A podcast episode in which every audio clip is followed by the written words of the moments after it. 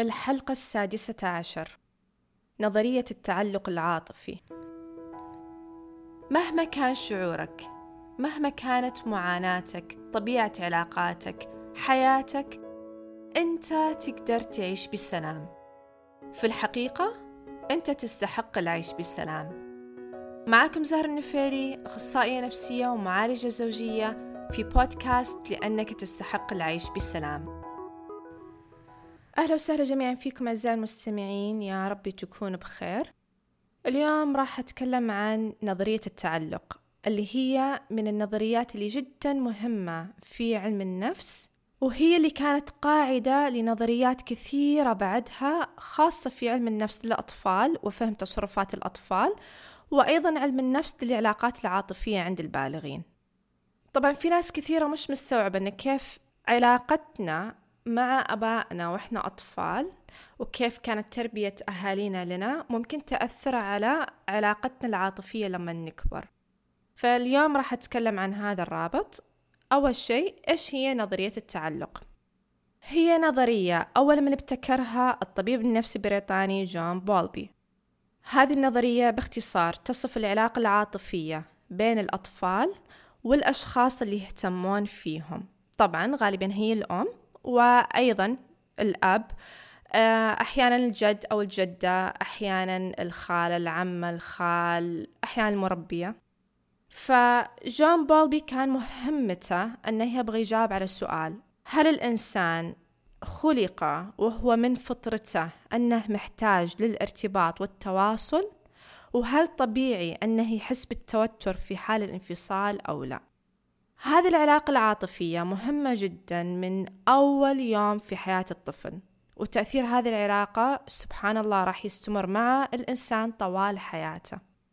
فهذه العلاقة راح تحدد كيف تصرفات الإنسان لما يكبر وكيف راح يكون في علاقاته الأخرى وطبعا خاصة علاقاته العاطفية والزوجية. كيف راح يتعامل مع العالم؟ كله بيعتمد أو جزء كبير من عنده راح يعتمد على العلاقة العاطفية الأولى اللي بينه وبين الناس اللي اهتموا فيه. بعدها طورت على هذه النظرية عالمة نفسية اسمها ماري إنزورث ماري إنزورث عملت تجربة جدا رائعة وموجود الوصف حقها في على يوتيوب فيديو اسمه الموقف الغريب أو The Strange Situation. في هذه التجربة تلخص فيها كيف نوع التعلق العاطفي بين الطفل وأمه راح يؤثر على ردود أفعال الطفل في حال الانفصال عن الأم وحال اللقاء مرة أخرى. وبعدها من تجارب ونظريات جون بولبي وماري إنزورث توصل العلماء إلى أربع أنواع من التعلق العاطفي للأطفال وظهرت بعدها نظريات كثيرة تتكلم عن كيف هذه الأنواع الأربعة يأثرون على نوع التعلق العاطفي للإنسان في علاقاته في المستقبل؟ وراح إن شاء الله أتكلم عن هذا كله بعد شوي. بس قبلها بشوي بتكلم أن ليش الناس تختلف في التعلق العاطفي حقها؟ ليش نشوف في ناس تعلقهم العاطفي مثلا آمن في ناس غير آمن؟ وبعد شوي بتكلم عن مسميات بشكل أعمق. ولكن تكون التعلق العاطفي ونوعه راح يعتمد على ثلاثة عوامل.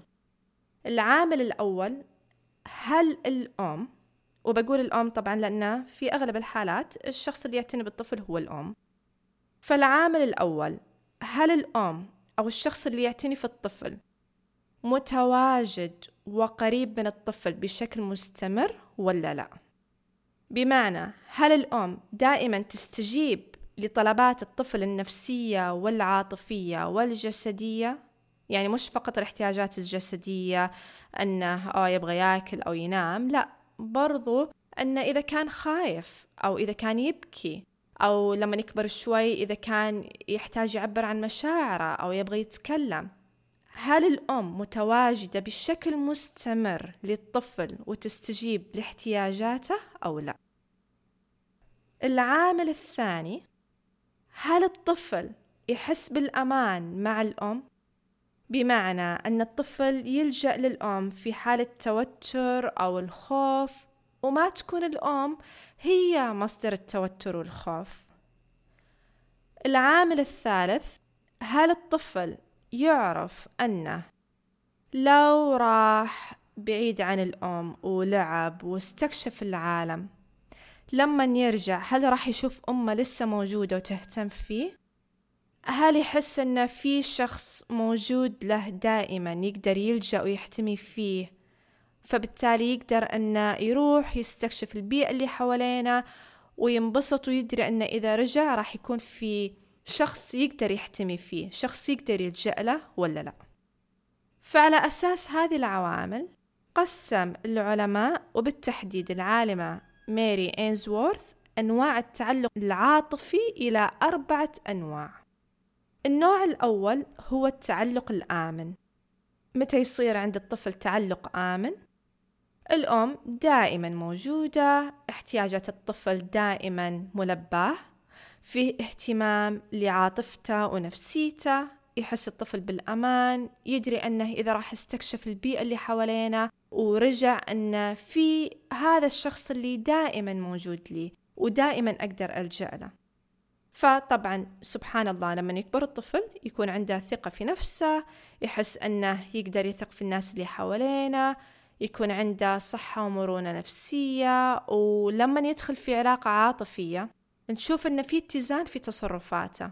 في اتزان في كيف هو يتواصل مع الشخص الآخر ويعبر عن نفسه وأيضا في أنه ما يحس بشعور توتر عالي لما تظهر الاختلافات اللي بينه وبين شريك حياته. يكون في عنده حكمة وتوازن في العلاقة. فالتعلق الآمن هو طبعا أصح شيء. نوع التعلق الثاني هو التعلق القلق والمتشبث. إيش يعني؟ هنا نشوف أن الأم مش دائما متواجدة. مرة أمي وأبوي معاي أو طبعا الأشخاص اللي يهتمون فيني ومرة مش معاي. ما في استجابة مستمرة لطلبات الطفل النفسية والعاطفية. فيصير داخل الطفل خوف كبير جدا وتوتر أن هل هذه المرة إذا أنا بكيت هل راح تجيلي ولا لا؟ هل هذه المرة إذا احتجت أعبر عن مشاعري؟ هل راح تكون موجودة تسمع لي وتطمني ولا لا؟ هل إذا رحت اكتشفت البيئة اللي حواليني ورجعت هل بتكون لسه موجودة لي ولا لا؟ فيصير الطفل جدا متشبث في أمه لأن ما في ثبات في الاستجابة. ليش ما في ثبات في الاستجابة؟ طبعا لأسباب كثيرة.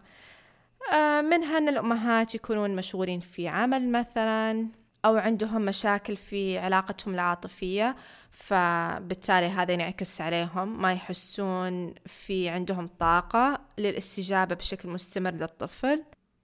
أحيانا هذول الأمهات تكون عندهم مشاكل نفسية أحيانا آه، يكون عندهم فكرة خاطئة وخاصة أيام أول. ويتخيل لي إلى الآن في هذه الفكرة اللي هي أوه لا تشيلون الطفل على طول إذا صاح لا خلوه يصيح لا تخلونه يعتمد عليكم. هذا طبعا يأثر على الطفل بشكل جدا سلبي. طبعا هنا إيش اللي يتعلمه هذا الطفل عن العالم؟ أن أول شيء أنا ما أعرف إذا فيني أنا شيء خطأ. اللي يخلي الآخرين مرة يكونوا موجودين معاي ومرة لا. فيصير يعطي الآخرين كل اللي يقدر عليه بس عشان يضمن أنه يبقون معاه. فهذا الإنسان يكبر وهو ثقته في نفسه مهزوزة. وثقته في الآخرين برضو مهزوزة. دائما متوتر ما يعرف إذا شريك حياتي دائما بيكون متواجد معي ولا لا. يخاف يسمح للاختلافات اللي بينه وبين شريك حياته أنها تظهر. ما يعرف يتعامل معاها. يخاف أن شريك حياته إذا خالف الرأي أو كان مختلف عنه معناته راح يتركه. فيكون هذا الإنسان جدا جدا كلنجي كلنجي اللي هو متشبث. في الشخص اللي معاه لدرجة الاختناق ويحس فعلا بالانهيار لما يعتقد ولمجرد الاعتقاد أن العلاقة ممكن أنها تنتهي. نجي للنوع الثالث للتعلق وهو التعلق القلق والانطوائي. إيش يعني؟ هنا نشوف أن احتياجات الطفل غير ملباة بصورة جدا كبيرة للأسف.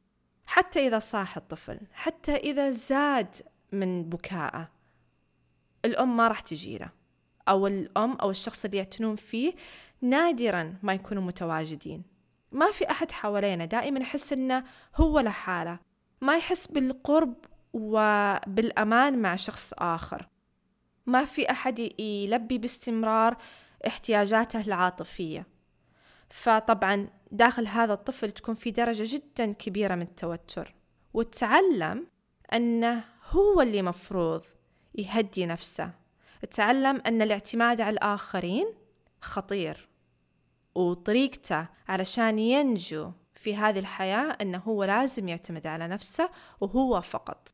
فيكبر وهو ما يثق في الآخرين بسهولة. يحس أن العلاقات العاطفية دائما راح تجرحه وتأذيه. فالأفضل أنه يتفاداها. ولو فعلا دخل في علاقة عاطفية وزوجية فيكون دائما منعزل ويفضل يجلس لحاله لأن زي ما قلنا العلاقات تسبب له توتر لأنها كانت فعلا مصدر توتر كبير جدا في حياته. ونلاقي هذا الشخص يكون عنده مشاكل في القرب من الآخر. صعب عليه أنه يظهر أي جانب ضعف للآخر. وصعب أنه يعبر عن مشاعره واحتياجاته. ما يكون في أريحية يخاف يتوتر يفضل أنه ينعزل مع حاله. طبعا هذول الناس نشوف أنهم جدا ممتازين في عملهم ولكن حياتهم الاجتماعية جدا ضعيفة. النوع الرابع والأخير للتعلق هو التعلق القلق المضطرب. وهو الأقلية ولكن طبعا للأسف موجود. هذا الطفل وهو صغير تعرض بشكل مستمر للعنف سواء الجسدي أو النفسي أو العقلي. الناس اللي مفروض يكونون مصدر الأمان بالنسبة له ويلجأ لهم هم نفس الناس اللي هم مصدر للخوف والرعب. فاحتياجات الطفل العاطفية والنفسية وأيضا الجسدية غير ملباة أبدا. هذا الشخص يكبر وهو يشوف أن العالم مكان غير آمن أبدا ويكون عنده صعوبة كبيرة جدا للثقة بالآخرين. نشوف أن نظرته لنفسه جدا سلبية وللأسف يؤمن أنه لا يستحق الحب والاهتمام. ما عنده المقدرة للتعاطف مع نفسه ما عنده المقدرة للتعبير عن نفسه أو للتعامل مع مشاعره أو ما يقدر أنه هو ينظم مشاعره بشكل صحي وسليم. فنلاقي الناس اللي عندهم هذا النوع من التعلق يكونون جدا تعيسين وغير سعيدين في علاقاتهم العاطفية والزوجية. وتكون تصرفاتهم في هذا الزواج غير سليمة ومضطربة وتفسيراتهم أيضا لتصرفات شريكهم مش صحيحة. في خوف غريب من شريكه ومن علاقته. طبعا بشكل عام الطفل ممكن يكون عنده نوعين من التعلق واحد مع الأم وواحد مع الأب. يعني لو كان تعلقه مع الأم آمن مثلا ومع الأب قلق متشبث فعلاقته العاطفية لما يكبر ممكن يتصرف فيها بشكل صحي ويظهر التعلق الآمن أغلب الوقت إلى أن تصير مشكلة ويبدأ يطغي التعلق المتشبث على تصرفاته. طيب هل معناته أن نوع التعلق اللي مع أهلي خلاص راح يحدد أنا مين وبعيش طوال حياتي زي كذا؟ لا طبعا الإنسان سبحان الله جدا متغير ومتطور ونقدر دائما أن نخلي علاقاتنا مع أنفسنا ومع شركاء حياتنا والناس اللي حوالينا أفضل وأصح وأسعد أول شيء حاولوا تكونون واعيين وتفهمون إيش نوع التعلق تبعكم. كيف كانت طفولتكم؟ كيف كانت حياتكم مع أمكم وأبوكم؟ إيش اللي كنتوا تحسون حوالينهم؟ وبعدها كويس إن نفهم ونستوعب كيف نوع التعلق هذا أثر على تصرفاتكم الآن وعلى نظرتكم لأنفسكم ونظرتكم للحياة وأيضا لشريك حياتكم. هل المشاكل اللي موجودة في حياتكم حاليا سواء في علاقتكم أو للي مش متزوجين مثلا في آه، شغلكم في حياتكم بشكل عام هل هذه المشاكل اللي, اللي عندكم هي ناتجة من فعليا علاقتكم أو عملكم أو بسبب مخاوف موجودة بداخلكم بسبب نوع التعلق تبعكم؟ طبعا للي حاب يفهم نفسه أكثر القراءة جدا راح تفيد في هذا العنوان أو في هذا الموضوع وأيضا الذهاب إلى أخصائي نفسي بالتأكيد شيء مفيد. هذه نهاية حلقة اليوم. أتمنى أني شرحت إيش أنواع التعلق العاطفي بشكل عام للإنسان وأتمنى أنها كانت مفيدة. شكرا لاستماعكم جميعا ومع السلامة. أنهينا حلقة من بودكاست لأنك تستحق العيش بسلام. تلاقونا موجود في أبل بودكاست وجوجل بودكاست ولجميع مواضيع الأخرى. تلاقوها موجودة في صفحتي على إنستغرام زهرة النفيري.